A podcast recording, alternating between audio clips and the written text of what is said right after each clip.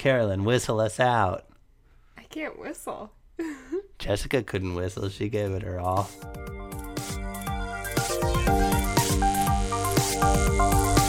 Well, I'm not a crook.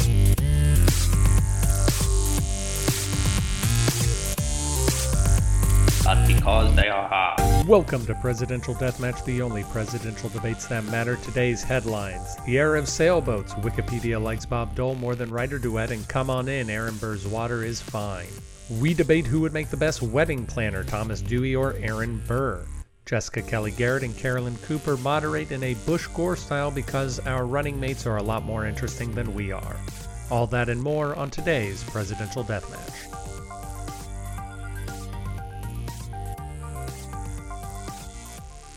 I'm, I didn't know we were bantering. I thought you were testing the no, audio. No, this is just banter. Hello and Banter welcome to Presidential time. Deathmatch.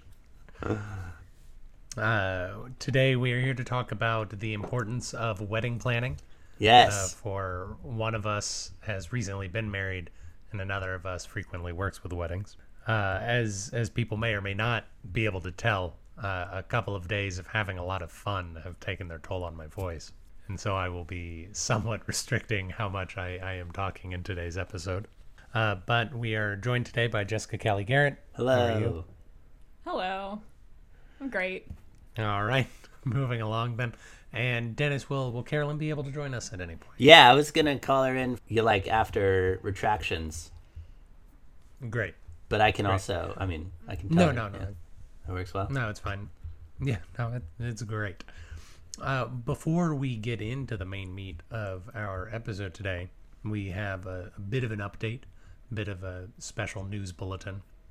The day that we're recording this, December 5th, 2021, we have received news personally. We were each sent a telegram that uh, former presidential candidate Bob Dole has died at the age of 98. We haven't been able to dig into Bob Dole. He is not featured on the podcast yet this season, but uh, he certainly will at some point down the line.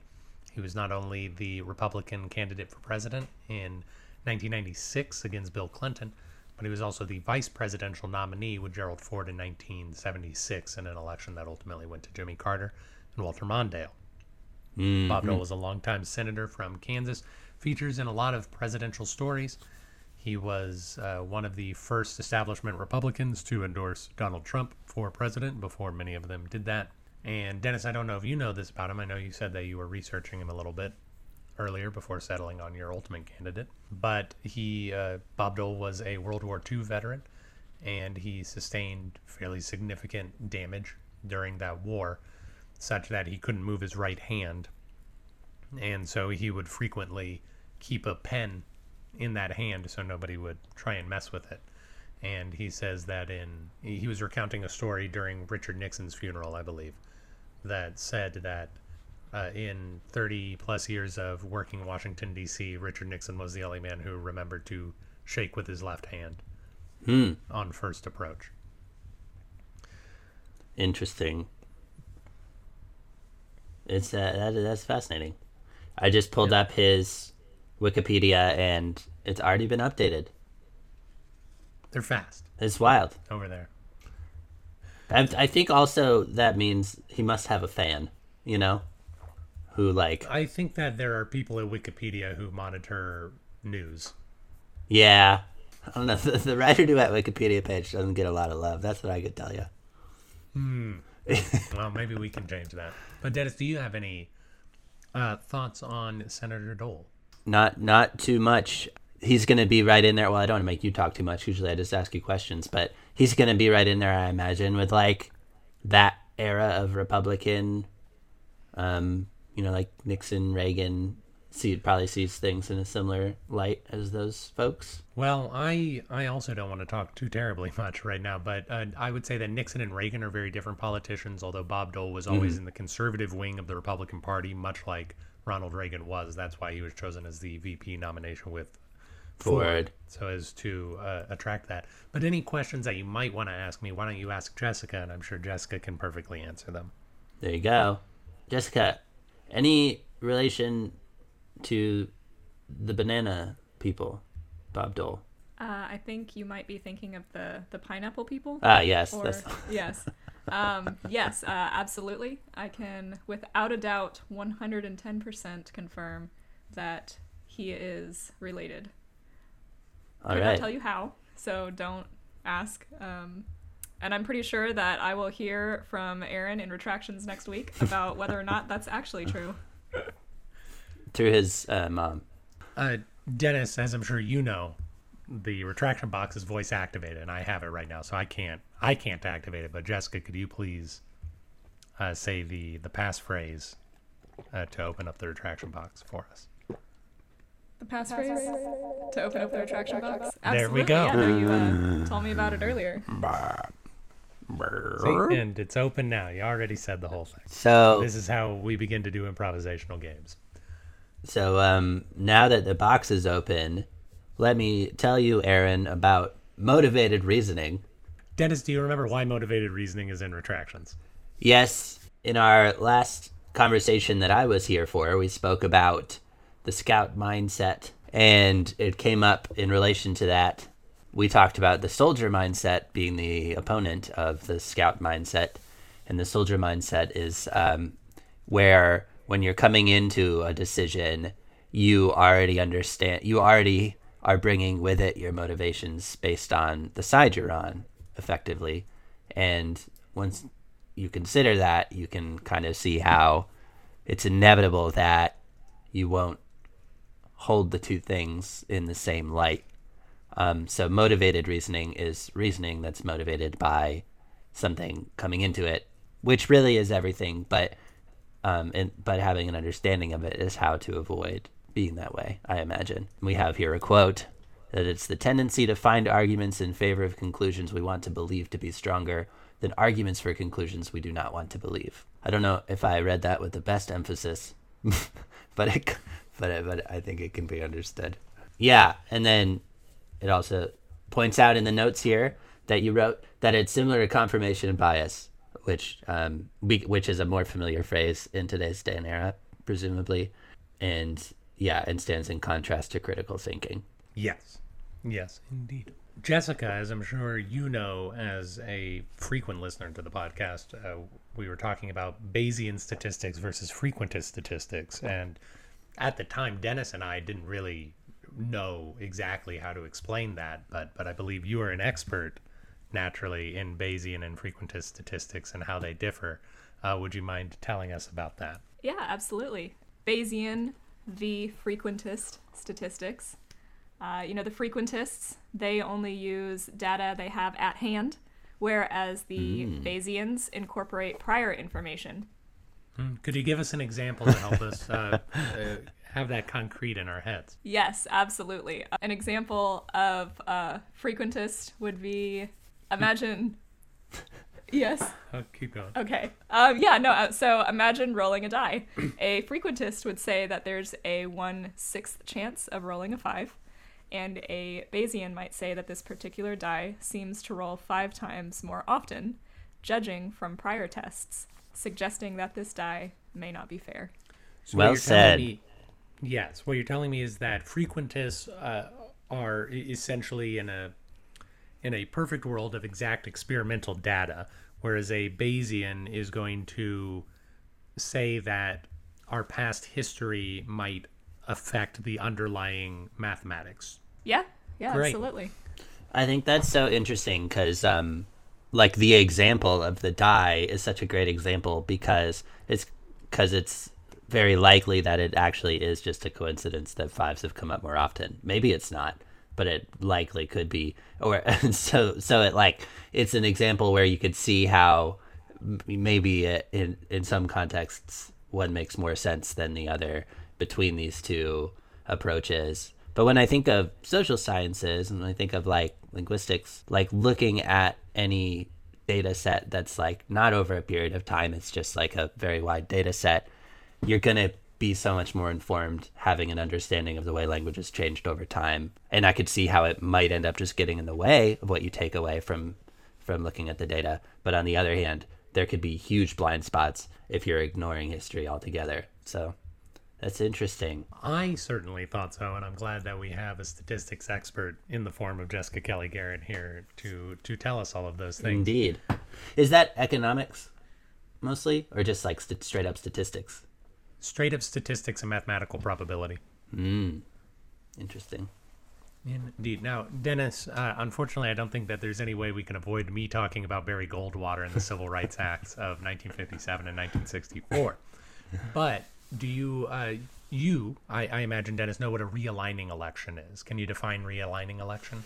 A realigning election is when a new definition of the political parties uh, arises out of the election, where we see that um, time has caused sentiment to shift, and then all of a sudden, coming out of the election, we realize that the values that political parties have are uh, a little bit different.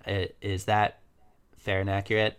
Yes, absolutely. Uh, this is usually retroactively applied. Very rarely do people. Sometimes people will say it looks like we're in a realigning. For instance, right now it looks like the 2016 election may have permanently realigned uh, white voters without a college degree, which are traditionally a Democratic constituency, into the Republican Party, whereas uh, for the majority of our lives, uh, the three of us, a core part of the Republican Party has been white people with college degrees, and it looks like they are in ever more growing numbers switching over to the Democratic Party. Mm-hmm. So within a few election cycles, if these things hold, we might say that 2016 was a realigning election. Yeah, it's interesting though because it is it is one of those things where in the moment it always seems like such a thing. It's almost like how we talk about how every election was was uh, cha- modern election. Yeah, a modern election that the first modern election. It's kind of like that a, a little bit um, until you look back and you're like, okay, uh, this one was actually significant. 1964, Johnson versus Goldwater was a realigning election, or it's what some people say was a realigning election. And would you, either Dennis, you, or Jessica, you like to guess why 1964 was a realigning election? What is the realignment happening in that uh, race? Probably around civil rights. Well, well said. Uh, but in what way? Oh, Um, well, Dennis looks like he has an idea. You want to take that one? well, is it because after the Civil Rights Act, the like black voters voted Democratic because of LBJ? No, it's actually the exact opposite. Ah. Because of the Civil Rights Act, more Southern voters voted Republican because of Oh, LBJ. okay. So what happened was Barry Goldwater, who was the candidate in that election, voted against the Civil Rights Act of 1964. A lot of, uh, let's call them racists, for lack of a better word, perhaps, but a lot of uh, folks in the South uh, didn't take kindly to the Civil Rights Act of 1964 coming into law under Lyndon Johnson, who, since Lyndon Johnson was from Texas, they saw that as a bit of a betrayal. And the southern states had been solidly Democratic since the era of Andrew Jackson, some 130 years previous. And what began to happen was the southern states began to switch over to the Republican Party because of LBJ's support of the Civil Rights Act, but more because of Barry Goldwater's vocal dissent from the Civil Rights Act of 1964. And this is a story that I am interested in uh, talking about, and I will talk about it.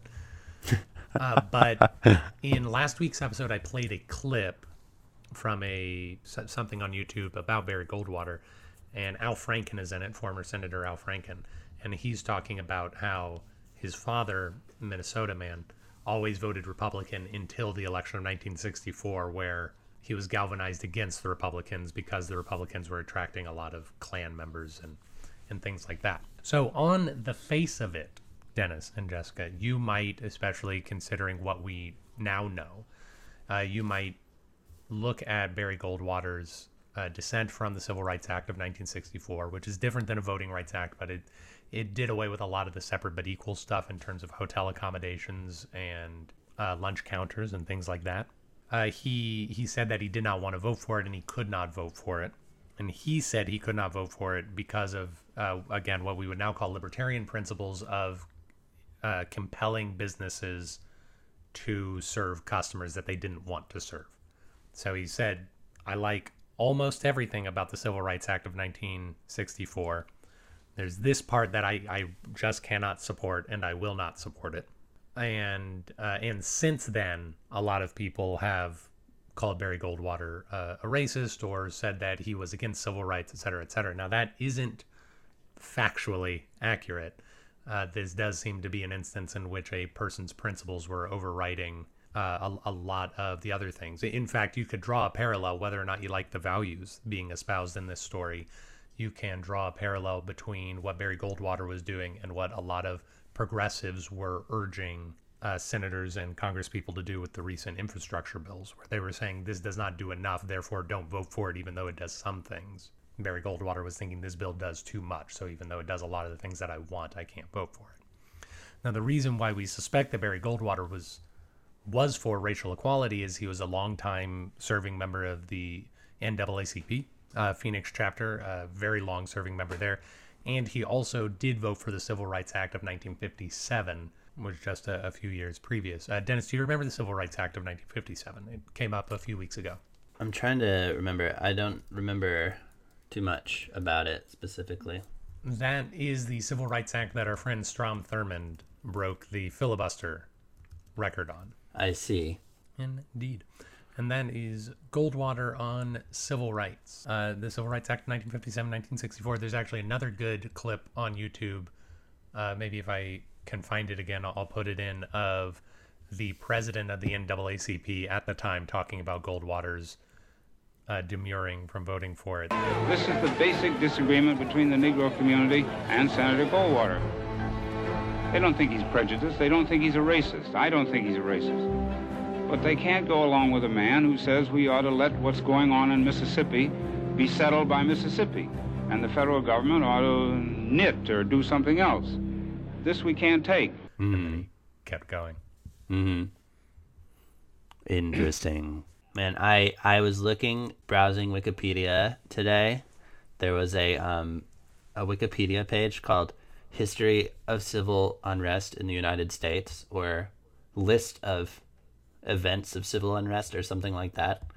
It was one of the most fascinating pages because it's just it's just a list that starts in 1776 and goes until today of every like major protest uprising and like you know massacre or whatever that's happened and then kind of just really briefly highlights the reason. It's probably like a hundred or something like that on the whole list. So it's like really high level ones, but it just paints such a picture. Like certainly it doesn't say everything about history, but like I would definitely take a class that was only starting there about American history, and um, it was like it's it's almost entirely about civil rights. It's like majority civil rights, immigration is a huge chunk like people being mad about immigrants, and then like some some workers workers stuff. Yeah, Riots, is like yeah. a minor part well, of it. I bet the Pullman car strike is on there. Yeah, For I, I don't know if you would know that offhand, but I bet the Pullman car strike is on that list. I bet. Yeah, I, I, yeah, like that's exactly the sort of thing that was on there. It's just like every like major, yeah, one, and then and then people being mad about drafts, so you can kind of see where the wars are really easily, you know, and everything. But man, it's it's a really interesting Wikipedia page. I have so much I'd like to say about that topic, but for now, I will not, and perhaps we can discuss it again in the future. Indeed. Dennis, last time we spoke, we were talking about how America began under the Articles of Confederation, and that later a group of states broke off to form the Confederacy or the Confederate States of America. And we were uh, wondering aloud why they chose that word and how that word was different than uh, the American Republic or federal. Yeah. And uh, so I dug into that, or it's a very marketing explanation, actually. What they said was that, well, Confederacy is a bunch of individual states that are in a union that is of mutual benefit, but the Articles of Confederation weren't good enough. We need to be even more tightly knit, so we need to make up a new word that sounds even more close together. So we're going to call it a federation. confederation, we're going to call it a federation. So it's different and we can sell it as a new thing, which uh, I think is amusing. Yeah, that is that is really funny. I was I just looked up the etymologically, federal comes from, I mean, just straight up from the Latin for alliance. Mm-hmm. So They, they come from the same word. As they are etymologically confederation and, and federation are etymologically Right. the same word. yeah, con just means with. So With. it's like Yeah. with withness. Fun. Uh, Dennis, we made a real dumb error last time Okay. where we said that Henry Clay ran in three elections and he lost in three elections. And we said, well, he lost to Andrew Jackson. We know that. He lost to James K. Polk. We know that. And we were wondering what the other election he lost was, despite the fact that earlier in that same episode we discussed how in the election of 1824, Henry Clay put his uh, let his supporters go to vote for John Quincy Adams. So the third one was John Quincy Adams, which we had already discussed in the episode. JQA just has a way of kind of blending in with the wallpaper. yeah, just slipping out of your mind. And finally, there was something that you said in in the scout our scout mindset episode that I thought was really great, which was um, I I forget exactly what you said because I did not write down the entire quote, but you you use the word updating in terms of ideas or beliefs. And you kind of said like sometimes yeah, you, you just try to think of like oh, I've updated and I'm reor- reorienting, which in it which was a chapter in Scout Mindset, which I did not pick up when when you mentioned it, but there's an entire chapter in the Scout Mindset about how if we begin to look at uh, our information gathering and our decision making process as um, always accessing an incomplete library and such that when we get new information, we can say, oh, we've updated our beliefs. I did not have the information when I previously made statements in the past. I did not have all the information I have now as a way to limit embarrassment. So there's there's another great book called How to Have Impossible Conversations, which is about how to get people to change their minds about really important things to them. And one of the things that the book emphasizes is that you no one is ever going to change their mind if admitting that they've changed their mind is going to expose them to a lot of embarrassment. Yeah. So if somebody comes to you and says, "Hey, I've been thinking about it and you are right," and you stick it in their face and say, "Yes, I know. I've known for years." They're never going to tell you. So he says you have to build a golden bridge to them. You have to give them a way that they can make the change without feeling embarrassed about it.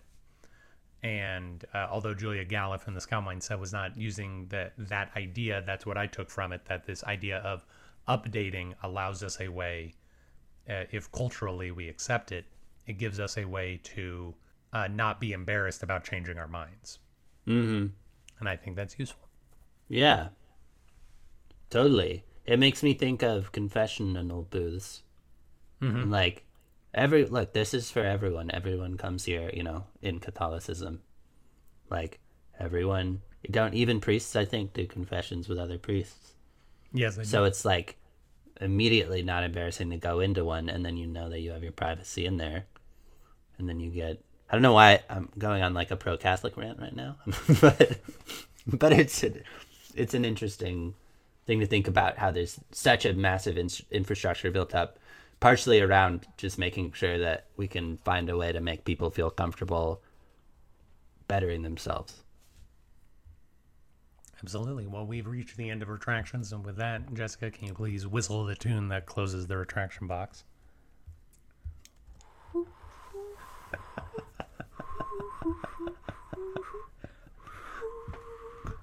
That's right, Des. We may have to make that uh, password shorter, just, just for ease of access later on in our lives. But uh, certainly, the retraction box is closing, and it's closed. For hello, uh, before we go to our break, Dennis, uh, we need to tell the people who we're going to be talking about.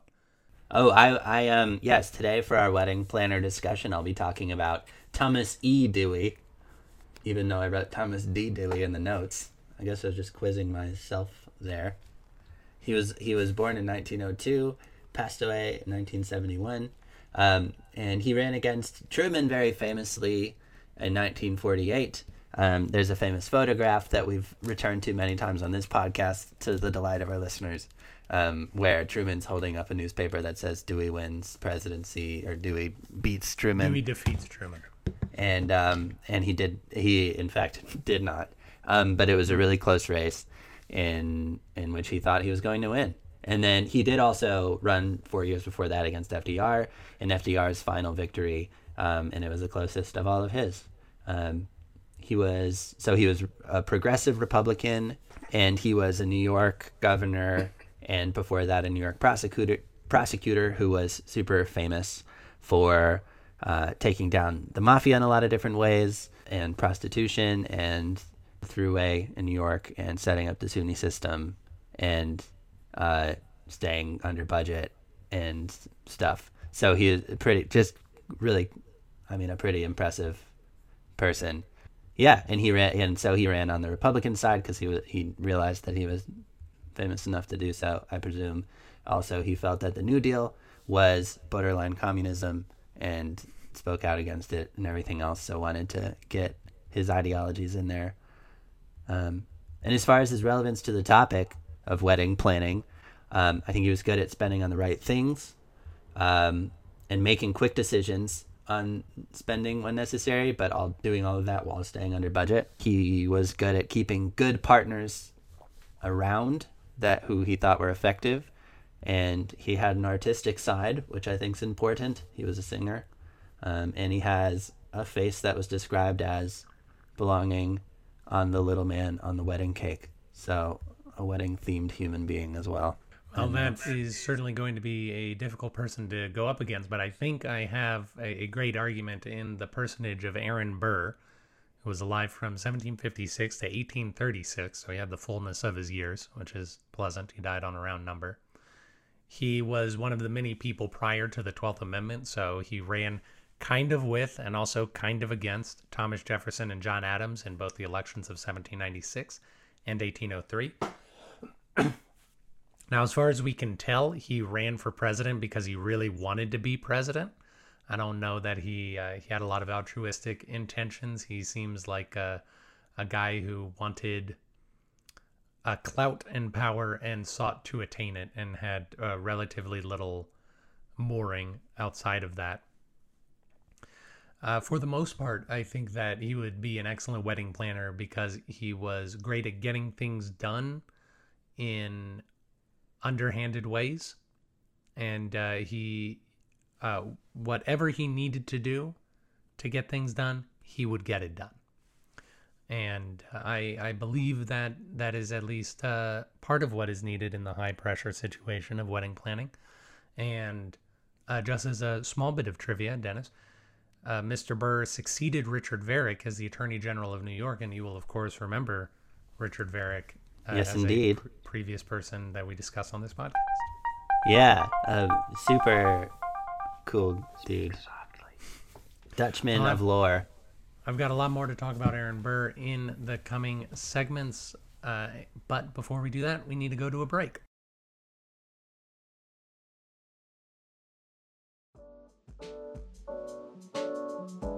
Jessica, Are you gonna make me whistle again? no, I'm not gonna make you whistle, uh, but you need to sell people T-shirts. Why should people buy? Pres- you were the first person ever to own a presidential deathmatch T-shirt or tank top, in your case. Oh, Te- tell yeah. everyone how great it is. I mean, please. it is. Um, actually, I think I own more than one, don't I? you do. You own yeah, several. I, I Wow. own several presidential deathmatch uh, T-shirts in different styles. They're they're incredibly comfy. They're very very soft. Uh, and as someone who thinks it's very important about longevity, uh, I've washed them now many many times. They're still holding up great. I look great. I get compliments. Doing yoga to sleeping to going out and running grocery errands. It's um they're great. It's really an all-purpose shirt, is what we're trying to say. It is Yes. not so many shirts you can only do one of those things in, but this is all-weather, all-purpose. What'd you think, Carolyn? You gonna buy one? Well, I was so excited today when you thought that your President Chase shirt was your only appropriate Christmas shirt, and you were devastated you had worn it. So, I mean, all purpose. pronoiatheater.com slash store for all of your Christmas and or grocery store running needs.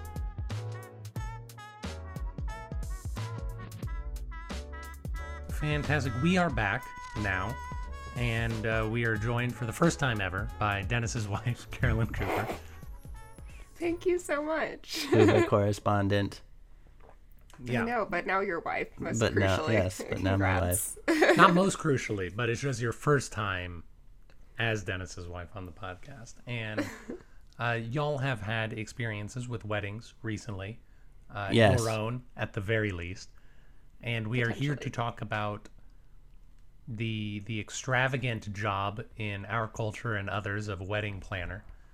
Uh, what what they need to do, and uh, also Jessica, who um works on many rich folks' weddings, uh, I wanted to know what the trends in weddings are right now going on.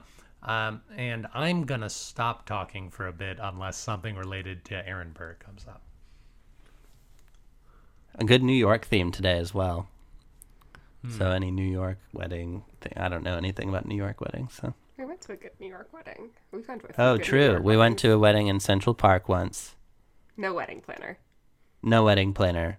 Well, Very well start with- executed. With, the idea that y'all had a wedding planner. True. Uh, we she did. was uh, militaristic. Might be a word I would use to describe my Yeah. relationship with her. yes. Outstanding. Why did you choose to get a wedding planner? How did you come to find her? And what value did she bring to the process? Well, that I think that was the exact quality that we picked up on when we met Kristen three years ago.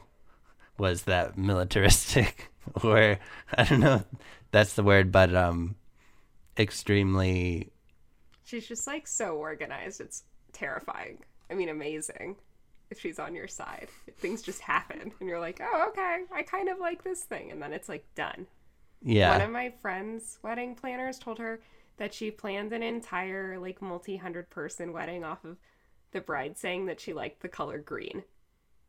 And the wedding planner just took that and generated a whole event. So I also feel like just because that's what the bride wants. Because sometimes the couple is like is like two doctors, and they hire a wedding planner because they just don't have the time, and so that's a very different sort of wedding planning situation than like us, where we were able to be pretty involved, and I'm sure others are much more involved than we were. So I guess there's flexibility there that you need too as a wedding planner. Well, I find that interesting. The the idea of uh, sort of spinning something out of nothing. Uh, It reminds me of Aaron Burr. uh, curiously enough, uh, Dennis, you have or Carolyn, y'all have heard of Tammany Hall, correct? no. No. It's like New York. tell me. It's like New York's political machine. Yeah, for for 150 to 200 years, they are the people who chose who New York's politicians would be. I like the the shame in this that I do not know this New York political Oh no, Please no shame at all. I, mean, I only know in it so because Aaron told me one time. I'm surprised, I because I remember loving Tammany Hall when I learned it in high school, which is why I assume most people know it because we had a big section on Tammany Hall in in my high school. But uh, Tammany Hall was a major political machine. They were the people uh, among Grover Cleveland, Chester A. Arthur, Millard Fillmore, a number of uh, New York politicians who later became president, Theodore Roosevelt to a certain extent, all benefited from Tammany Hall. Uh, Aaron Burr is the guy who created it. Uh, so he's he Out of nothing. out of well out of a uh, a social club called the Tammany Society that was a bunch of Irish immigrants. He came to them and sort of recognized the ability to stoke the fires of nationalism to get them to all pull in one direction and, and start coalescing power. New York has always been really into that political manipulation game. I feel like, like um, Van Buren and stuff. That was all about that as well. Mm-hmm. Mm. I mean, I guess because Tammany Hall. Uh, but back to Kristen, y'all y'all found Kristen. You were enamored with her her ability to to manifest weddings as if from nothing. And Yes. what was the process of working with her like? Y'all y'all said you were involved. Yeah, over our long-term three-year relationship. Um, I mean, she would just go to stuff with us, and so the first wedding we planned, I felt like she wasn't able to predict 100% of things, but by the third wedding we planned together, She could literally predict everything I was going to choose. And like vendors would play that game with me. They'd be like, "Oh, here's like we showed Kristen these 10 things, like which one's your favorite?" And I'd choose one and they'd be like, "Oh, that's what Kristen said." Haha, and then like move on. So, I think her ability to pick up on like your vibe and like your aesthetic was really crucial for us cuz I as a moderately emotionally repressed engineer cannot describe colors or anything that I like. So I really only just am like, this picture, it's pretty.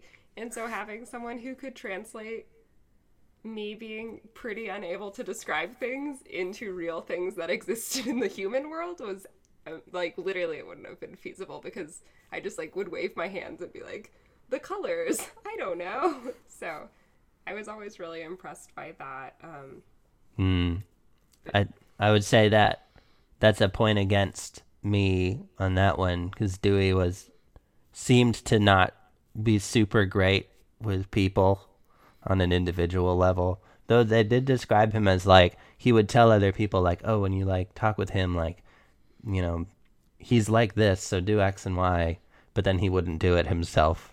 And and other politicians talked about being confused about like wh- why he seemed like he wasn't able to interact with people in ways that he could describe being better. I think Andrew Stout may have had that experience with our wedding planner.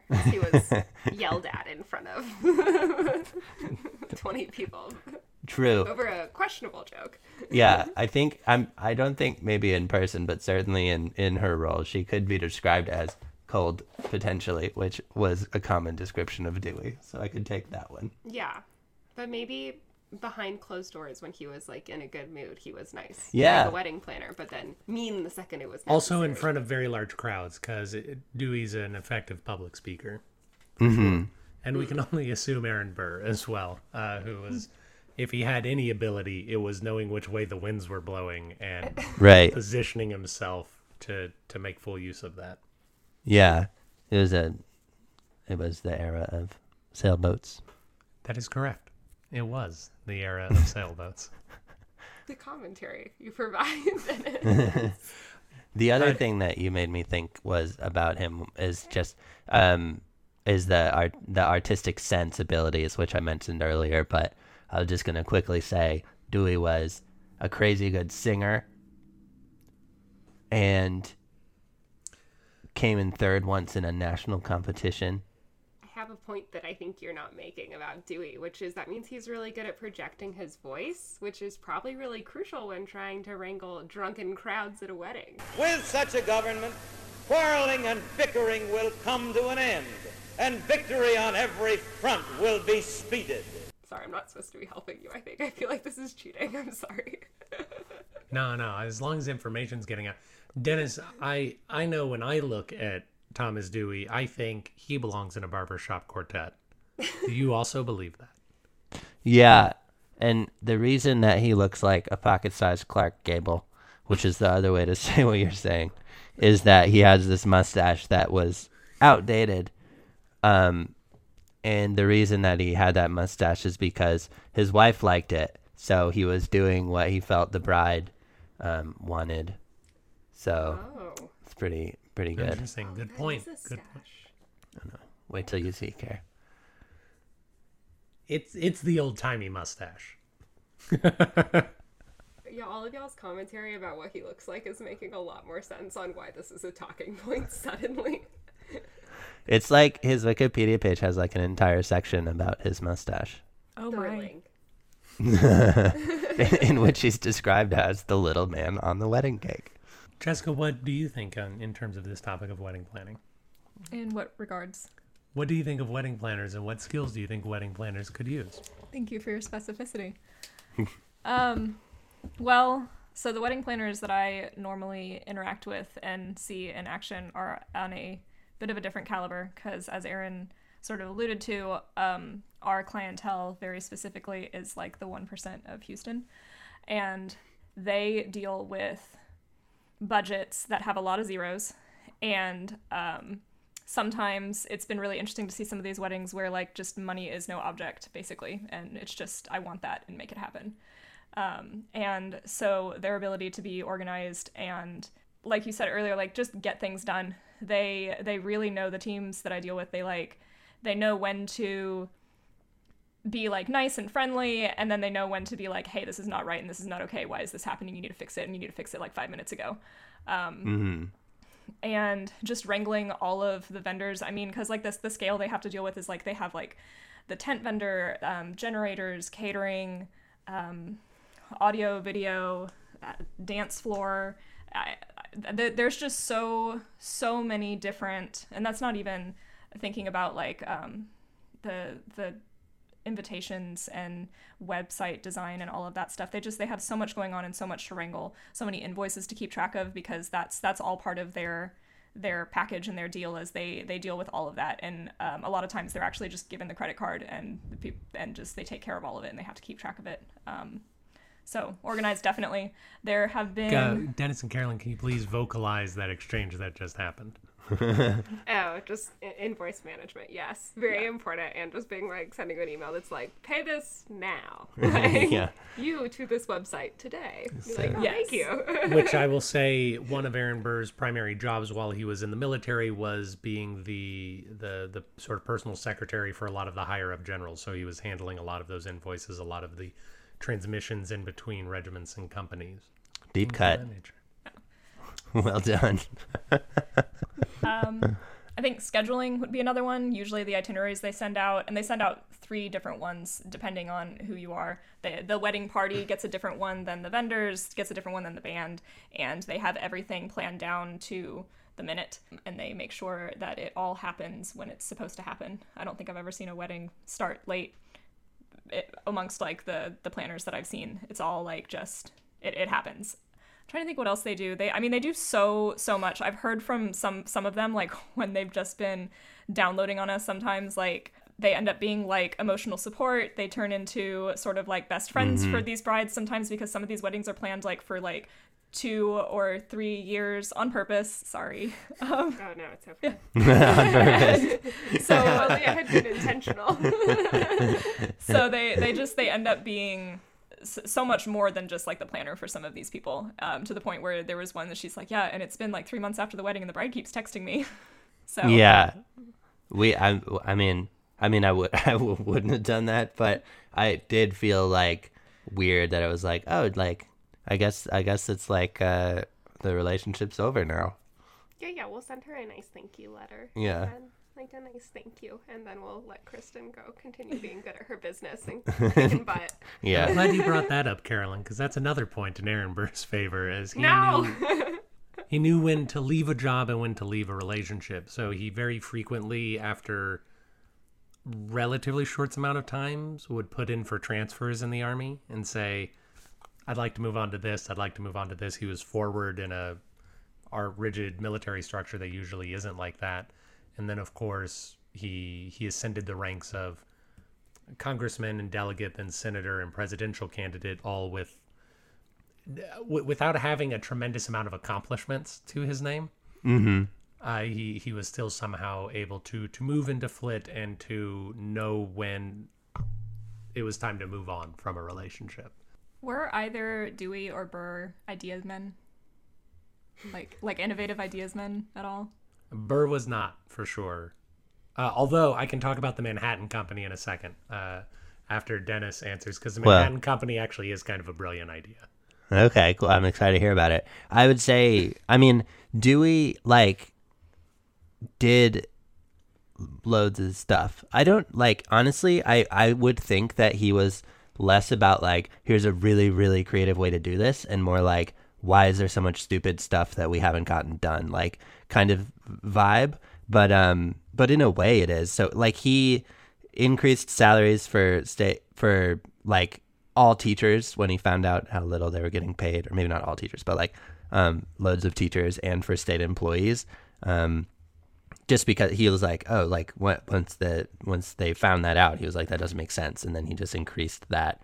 And at the same time, and then like I had mentioned earlier, he set up the State University of New York system um, and built a throughway in New York and stuff like that. That all feels very like, you know, FDR in a way, like um, and like, um, you know, public funding sort of thing, but he did that all while still um, reducing the state's debt by over a hundred million dollars. So th- he he referred to it as pay as you go liberalism, um, the idea that government can can be progressive and solvent at the same time.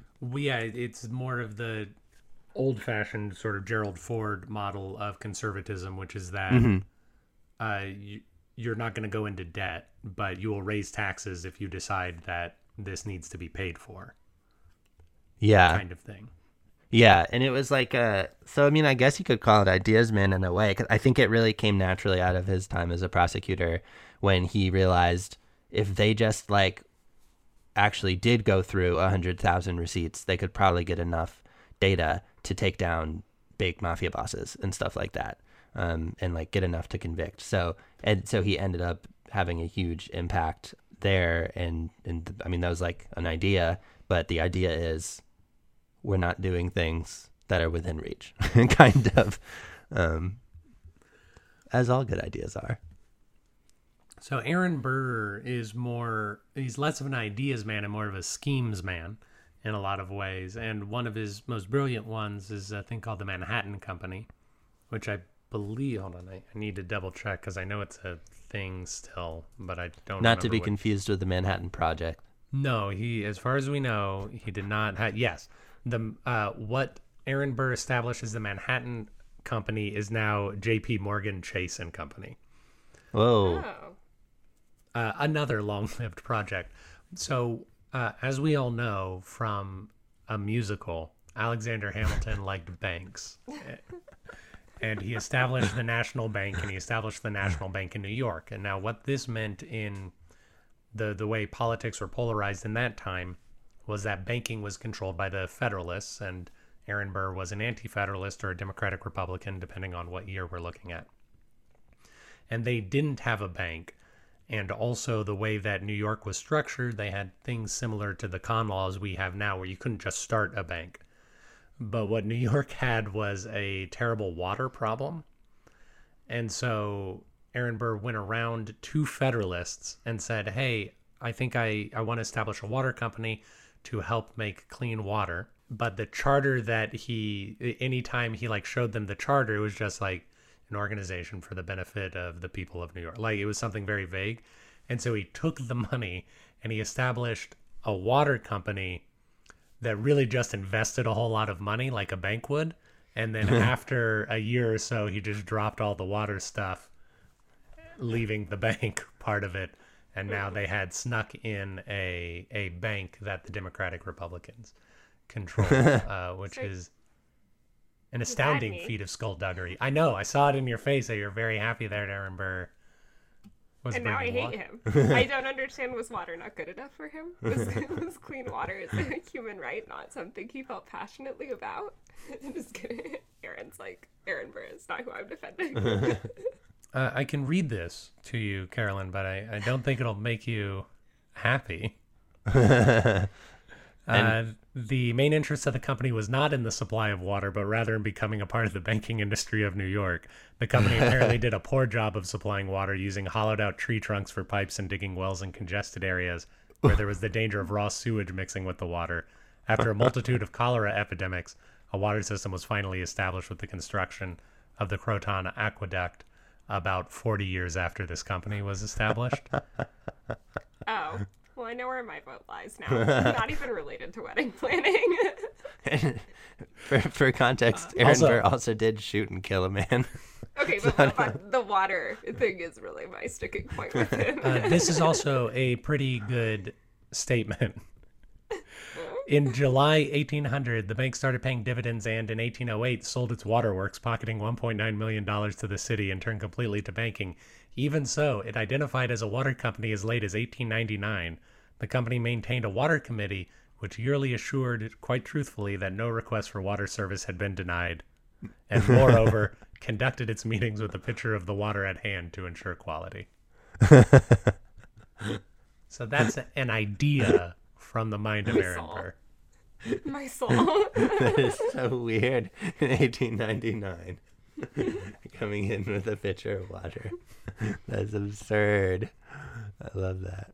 Do we have any more thoughts on? Uh, now, I'm going to ask a question. Don't you think it is a would have been good that Kristen would be prepared to kill someone if need be at your wedding? Certainly Hmm. not. Interesting. No. Interesting. Under under no Definitely not. circumstance. Under no circumstance. Under no circumstances would I have wanted Kristen to murder someone at my wedding. Not I feel- even if someone stood up and said, "I object." I would much rather have laughed at them in the face than my wedding planner try to murder them. Not even as not even if someone shattered a candle. Well, as I stepped out, and What then if- looked at me with the most horror I have ever seen in their face. It's like I don't care that much. It was super funny. It's fine. Carolyn, what if Aaron Burr walked in laughing about how he swindled the people of New York out of clean water? No, because I don't think. See, I feel like part of the emotional state of being a person who likes water and the environment is to be a pacifist. so I think those would be very at odds with each other. He wants to swindle thing, people out of water, that is a personal decision he has made. And I can choose not to like him anymore. Jessica, have you worked with a lot of the same wedding planners many times? Yes, actually, for the most part, the same couple teams we work with a, a lot. Mm-hmm. Because I was gonna say, because one thing with Dewey is that he was good at keeping uh, good partners around. Uh, I think some examples are um, Eunice Carter, who was a really skilled DA who had a big part in taking down prostitution because she um, worked with the prostitutes who were stuck in the system and kind of helped them to realize that if they gave testimony that they would be safe and that they'd be able to get out. And um and also Edwin Jaeckle seemed like he was really effective and he he really was the campaign guy behind a lot of what Dewey was doing and he kept him around for long periods. And it's I think Fiorello Aaron's friend Yeah. was uh, governor when Dewey was prosecutor. So they were they were a little squad mayor yes sorry Yeah. mayor getting a lot done side by side yeah he was just uh, one quote i forgot why i put this here but he he could take a problem break it down into component parts and assign it to talented people so yeah the talented people being Being your vendor. people Yeah, I mean, I I Yes. really hate to strengthen Dennis's point, but um, they do the planners we work with. They tend to have uh, a few go-to vendors that they know that they work with well. They already know they know who the salespeople are that they deal with, and they know they'll do a good job. So that um, that definitely is a strength, knowing who the good people are. Yeah. I also really like that description of him as taking a problem and breaking it down into parts and assigning them. Um, like so the other part of that quote, because that was like what was so helpful with Kristen was that everything just became a multiple choice question. Like in, it, instead of getting this thing where it was some vague like what is what do we do now kind of thing, which is how everything feels in that sort of a situation. It was like A, B, C, or D, or like and D could be like none of the above or something, but it was still like A, B, C, or D. yeah, it was always like, here are three options of people and teams I know very well. Here are things they have done for me. Are you fine with one of these? If not, we can spend uh, hours on this. But if you're fine with this, let's like, move on with all of our lives, which I appreciate. Yeah. Do we have any final thoughts on wedding planners before Dennis and I make our closing arguments? The only other thing that had come to mind for me was um, when we were talking about having that relationship with um, the couple, that it was it was really crazy going through COVID stuff, and seeing how what that was like for Kristen, because like so many she got like really the bad end of so many couples freaking out and everything during that time. Yeah, I was like what? Because I feel like she had to cancel like certainly like most of her weddings in like a one week period, and so then she just like called, and you were like, "Oh man, it sounds like you've had a super bad week, and people haven't been nice to you who like had been being really nice to you." And Yeah, I was happy that- we yeah. were able to like maintain. Like Yeah, obviously, just be humans. It's not like she caused a pandemic for like I don't know why you feel like your wedding planner. That's stupid. But I also feel like on that relationship because she moved our entire wedding ceremony an hour before the wedding, and like we didn't never talk about that.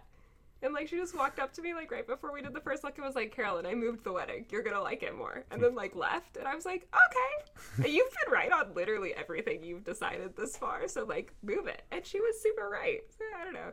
Just like knowing the vibe enough to be able to like cause call audibles and be like because for background they ins- they moved the wheelchair ramp to the middle of like where the normal ceremony space was. So she had been like slowly trying with different weddings to find the new right location in that courtyard because there's this like huge wheelchair ramp then that shows up in the back of your photos if you get the angle wrong now i- or in the entire photo if you do the old spot.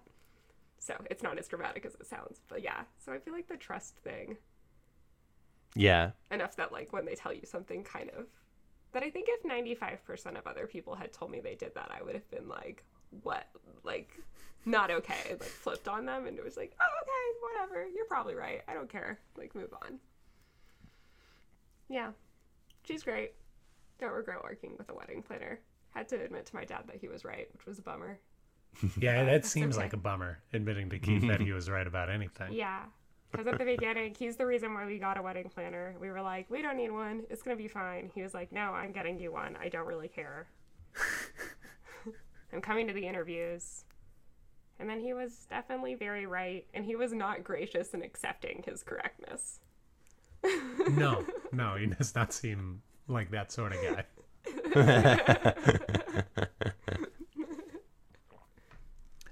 Dennis, why should people consider Thomas Dewey a better wedding planner than Aaron Burr?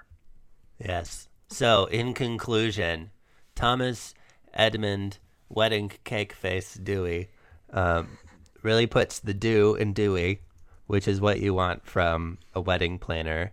Um, and he's an artist. He almost became a professional singer until he got a cold and it freaked him out. And he um, was honest and straightforward and got things done and uh, kept all the right partners around and always would work with them. He was great at breaking down a problem into tasks and then delegating them effectively. And uh, I think most important was his, as he describes that pay as you go liberalism, where government can be progressive and solvent at the same time, staying under budget, but making quick decisions on um, when he can identify that they are intelligent and correct. Thank you very much. Whereas I'm going to say that Thomas Dewey is perfectly fine if you want bland, unimaginative, visionless weddings. But if you want a a bold person who is going to move heaven and earth to get you exactly what you want and also has so little regard for his own principles and values and mores that he will chameleon like adjust to whatever it is you would like him to do someone uh, who is a, a proven excellent manager of paperwork and conspiracy and uh, a man who will not quit even if he has to row a boat to Mexico himself. We did not get into that story, but it arguably happened to take it over with, with nothing but his own will and a gun. And I'd say Aaron Burr is a person you want on your side when you are trying to plan an event. Unless you want to drink water at that event. Would be poisoned by cholera, yes. I'm sure his water was fine, Carolyn. True, it was others. It was anyone outside of the event would have been in trouble. Which, eh, why do you care? Fair. Well, thank you, Carolyn and Jessica, for joining us today. You're welcome. Thank you so much for having us on. This has been a delightful discussion. I'm glad. So fun always. And when we, uh, when y'all hear us next, Dennis will be banished from the podcast for at least two weeks, maybe more. We'll see. Until then, I'm sure we all wish Dennis and Carolyn well on their honeymoon. And uh, vote Burr 2021. Thank you for listening to Presidential Deathmatch. Presidential Deathmatch is a production of Pronoia Theater. You can find more out about us at pronoiatheater.com. This program was edited by Aaron Garrett with music by Dennis Buddy and hosted by those same two lovable goofballs. You can always email us at contact at pronoiatheater.com. If you enjoyed the program, we ask that you rate and review wherever it is you found us. It really helps us out. And if you didn't like the program, why don't you stick around? We really grow on you.